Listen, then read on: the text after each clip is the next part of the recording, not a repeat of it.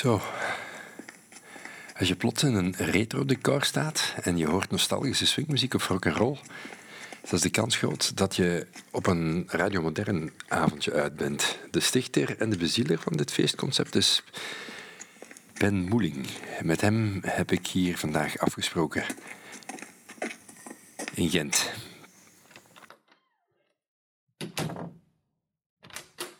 Vroeg Ben enkele weken geleden of hij zin had om met mij hier af te spreken voor een podcastgesprek. Ja, absoluut. Ik zei, Ben, let op, het is wel een opname met publiek en zo. Want in Gent is er dan het podcastfestival waar ik op uitgenodigd ben.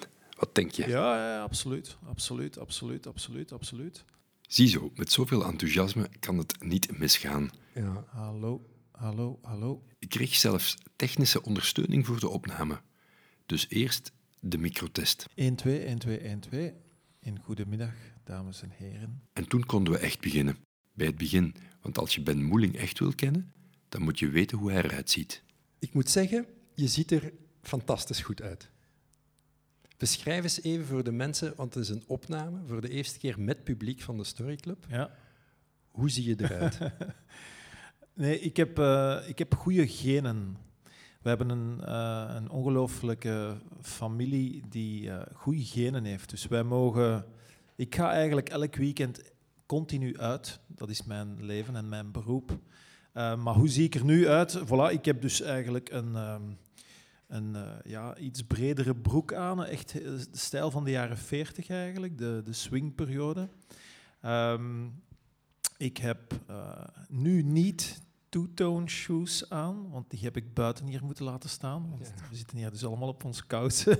dat is toch ook wel fijn ja, om je daar iets bij voor te stellen. Uh, dus, maar dat is ook, ja, ook weer typisch van die periode. En ik heb gewoon een uh, ecru hemd aan, een beige ecru hemd, maar vooral uh, een schone plastron. Ah, vind ik toch een schone plastron. Maar het is dus allemaal een beetje de stijl van vroeger. En natuurlijk, ik heb toch wel zeker 50 milliliter uh, brilliantine in mijn haar. Um, en strak achteruit gekamd. Er beginnen al wel wat uh, lacunes zich te vormen op mijn kruin van achter. Ik weet niet waarom dat ik dat vermeld, maar het zal toch wel ergens een beetje pijn doen. Want ja, als je met retro bezig bent in die stijl, is je haar natuurlijk, daar start alles mee. Hè. Dat is het eerste wat je doet, kwestie van, dat is je haar te goed leggen naar achter. En de meeste mannen in die stijl hebben ook altijd een kammetje mee op zak. Om het altijd even bij te kammen, goed te leggen. En um, ja, voilà, dat is, dat is mijn stijl. Ik heb mij natuurlijk ook opgekleed voor nu. Radio Modern is al meer dan tien jaar succesvol. Maar misschien ken jij het niet, dus ik vroeg Ben om het even uit te leggen. Radio Modern is eigenlijk een... Uh, uh, ja, is eigenlijk een feest zoals het er in de jaren 50 aan toe ging. Ziezo, nu ben je mee. Maar Radio Modern is geen feestje als een ander. Er is iets speciaals aan. Het eerste wat heel belangrijk is, dat is het, het vroege uh, beginuur. Dus wij starten om 8 uur. Kunnen daar iets bij inbeelden? 8 uur uitgaan. Ja, mijn zoon bijvoorbeeld van 16, ja. die gaat nu naar feestjes, ja. vuiven. Ja. En uh, die zegt, ja, maar dat begint pas om half ja. elf, elf voilà, Voilà. Dus het is eigenlijk een, een, reactie geweest. Het is uit een fr frustratie ontstaan over het uitgaansleven, waar ik toen als dertiger in zat. Ik vond dat compleet ridicuul dat de feesten zo laat begonnen en, en dat eigenlijk alle organisatoren waren daar hadden dezelfde mening daarover. Hè. Iedereen wou eigenlijk dat mensen vroeger kwamen feesten. En die zeiden, maar dat lukt maar niet, dat lukt maar niet. Wij geven gratis cocktails aan de vrouwen. We geven gratis inkom voor 12 uur, maar die komen toch pas om 1 uur. En, en dan zijn ik daarover beginnen nadenken. En had ik zoiets van, ja oké, maar misschien komt dat wel omdat je de mensen een betere reden moet geven om zo vroeg te komen. En dat deed Radio Modern. Ik ben er zelf al naartoe geweest en wat meteen opvalt, is natuurlijk de 50-sfeer. Er is ook een presentator. Bijna tien jaar deed Ben dit zelf voor de meeste feesten en er wordt ook dansles gegeven. En daarna speelt een orkest. Het is dus anders.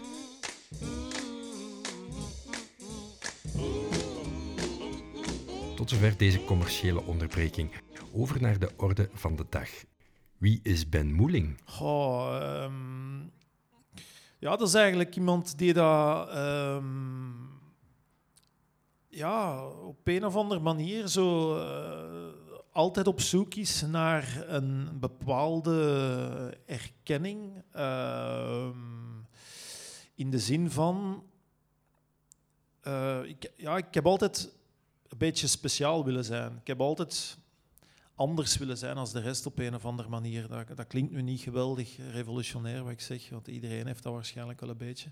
Maar ik heb dat toch altijd heel fel gehad, zo dat die een ongelooflijke drang van ik moet hier iets doen en ik moet hier iets nalaten op deze aardkloot. Eh, en dat moest wel iets spectaculair zijn of toch iets waarvan dan mensen zo van zeiden van ja, dat is toch wel de moeite geweest.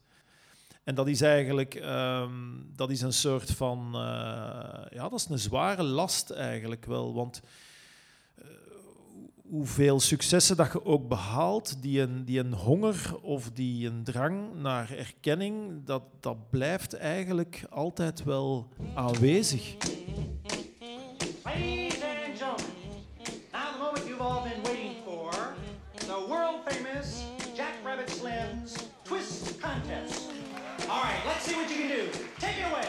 Heel mijn verhaal is heel veel doorspekt met familie. Ehm, er is een bepaald heel belangrijk moment in mijn leven geweest. Dat was namelijk het overlijden van mijn grootvader. Die had een, eh, een, een volkscafé in Kesselo, Pia de Nijper. En dat was eh, ja, eigenlijk een beetje een avonturier, die gast. Die had een café, die had achter zijn café had hij een cinema. Daar was ook een dansing. En die eh, reed dan nog een keer met zijn Citroën DS, reed hij heel het land rond. Want dat was eigenlijk iemand die dat films verhuurde. In die tijd was dat dus echt nog de cinema. Hè. Dus er waren gevangenissen, scholen, et cetera, die hem belden van, kun jij een keer die film van Pele komen spelen bij ons in de gevangenis. Dus dat was een echte volksfiguur. Iedereen in ons dorp kende de spaar, Marcel van Pier de Nijper. En tijdens eh, bij zijn, zijn overlijden, die kerk die zat afgeladen vol. Dat was niet normaal. Dat was echt super indrukwekkend. Ik had echt zoiets van shit zeg, die, die gast is zo graag gezien geweest. En eh, ik had zoiets van ja, ik wil dat eigenlijk ook. Ehm, Heb En- je hem persoonlijk goed gekend? ja, ja, ja, ja, ja. Het is eigenlijk door mijn grootvader, door al zijn verhalen dat hij mij heeft verteld, door al zijn foto's dat hij mij heeft laten zien, ehm, ja, dat heeft toch wel ook direct heel hard dat gemis naar die tijden. Want die verhalen die waren zo fantastisch. Dat werd gelachen, gezeverd. Dat werden grappen en grollen uitgehaald. Elke dag in een café.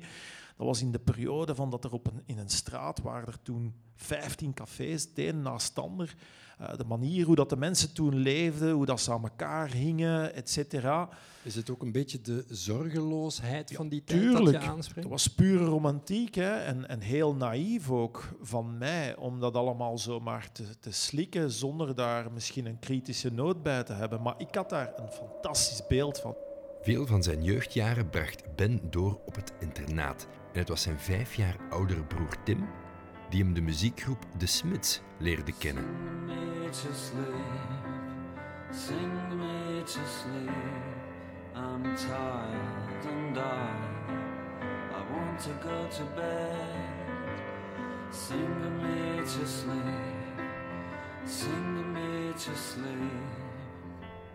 Het internaat en de Smiths leerden hem het gevoel van nostalgie.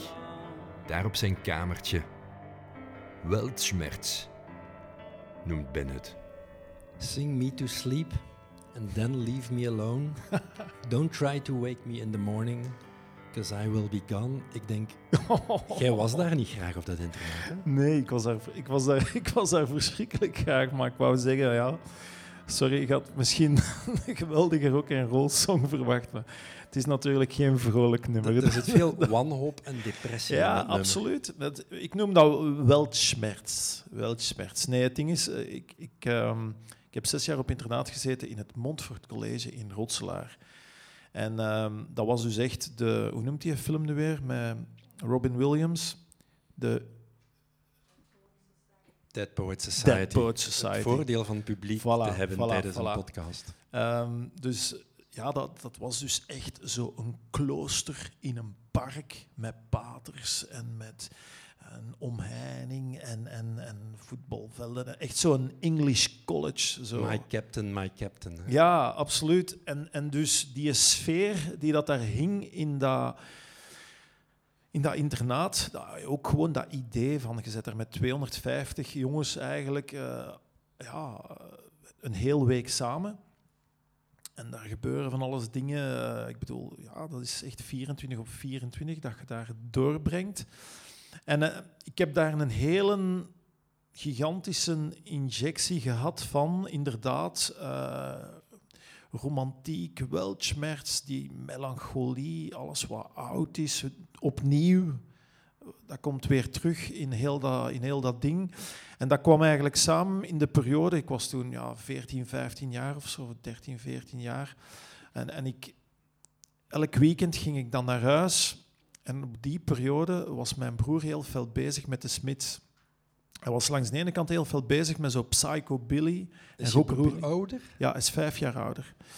En hij was toen heel veel bezig met psychobilly, rockabilly en zo. Ehm, dus dat pikte ook, ook al wel een beetje mee. Maar hij had daar toch ook zijn absolute topband was de Smiths. In het begin denk ik dat ik daar niet zoveel van moest hebben, maar op een bepaald moment begon me dat toch te integreren, vooral ook door, door de platenhoezen van de Smiths. Omdat die eigenlijk altijd ehm, foto's zijn van oude filmsterren, opnieuw. Hè. Dat ding van vroeger was alles beter of glamoureuzer of stijlvoller. Dus die, die hoezen van die platen, die waren elke keer eh, ja, dat waren kunstwerkjes. En ehm, toen heb ik die microben van de Smits echt te pakken gekregen. En dat is dus inderdaad dat gevoel van eh, onbegrepen zijn. Well, before going on with our show here, uh, I'd like to introduce you to my band. They're called the Rockets. Give them a hand here. Je bent ook leadzanger hè? Ja. van je eigen band, Benvis and the Rockets. ja. Right now, Gene, give me something to swing to, son. You shake my nerves and you rail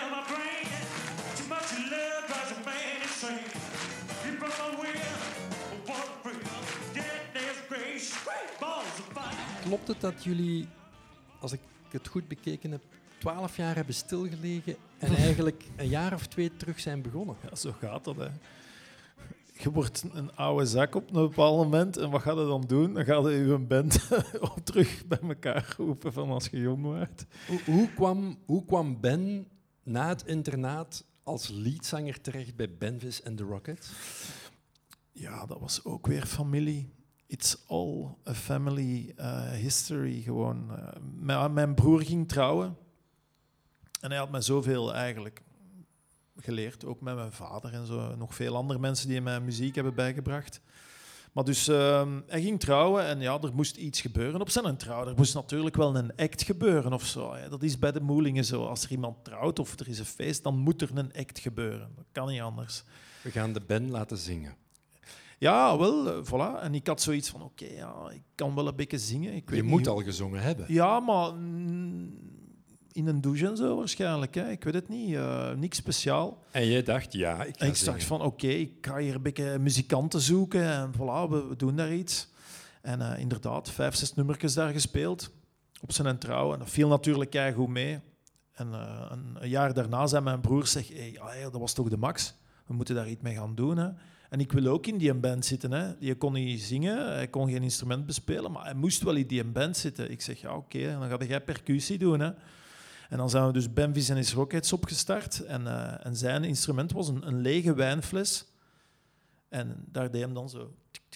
Hij had gevoel voor ritme, dus dat was, dat was chance dat, we dat, dat hij dat had. En voilà, het spel was vertrokken. En dan hebben wij tien jaar lang...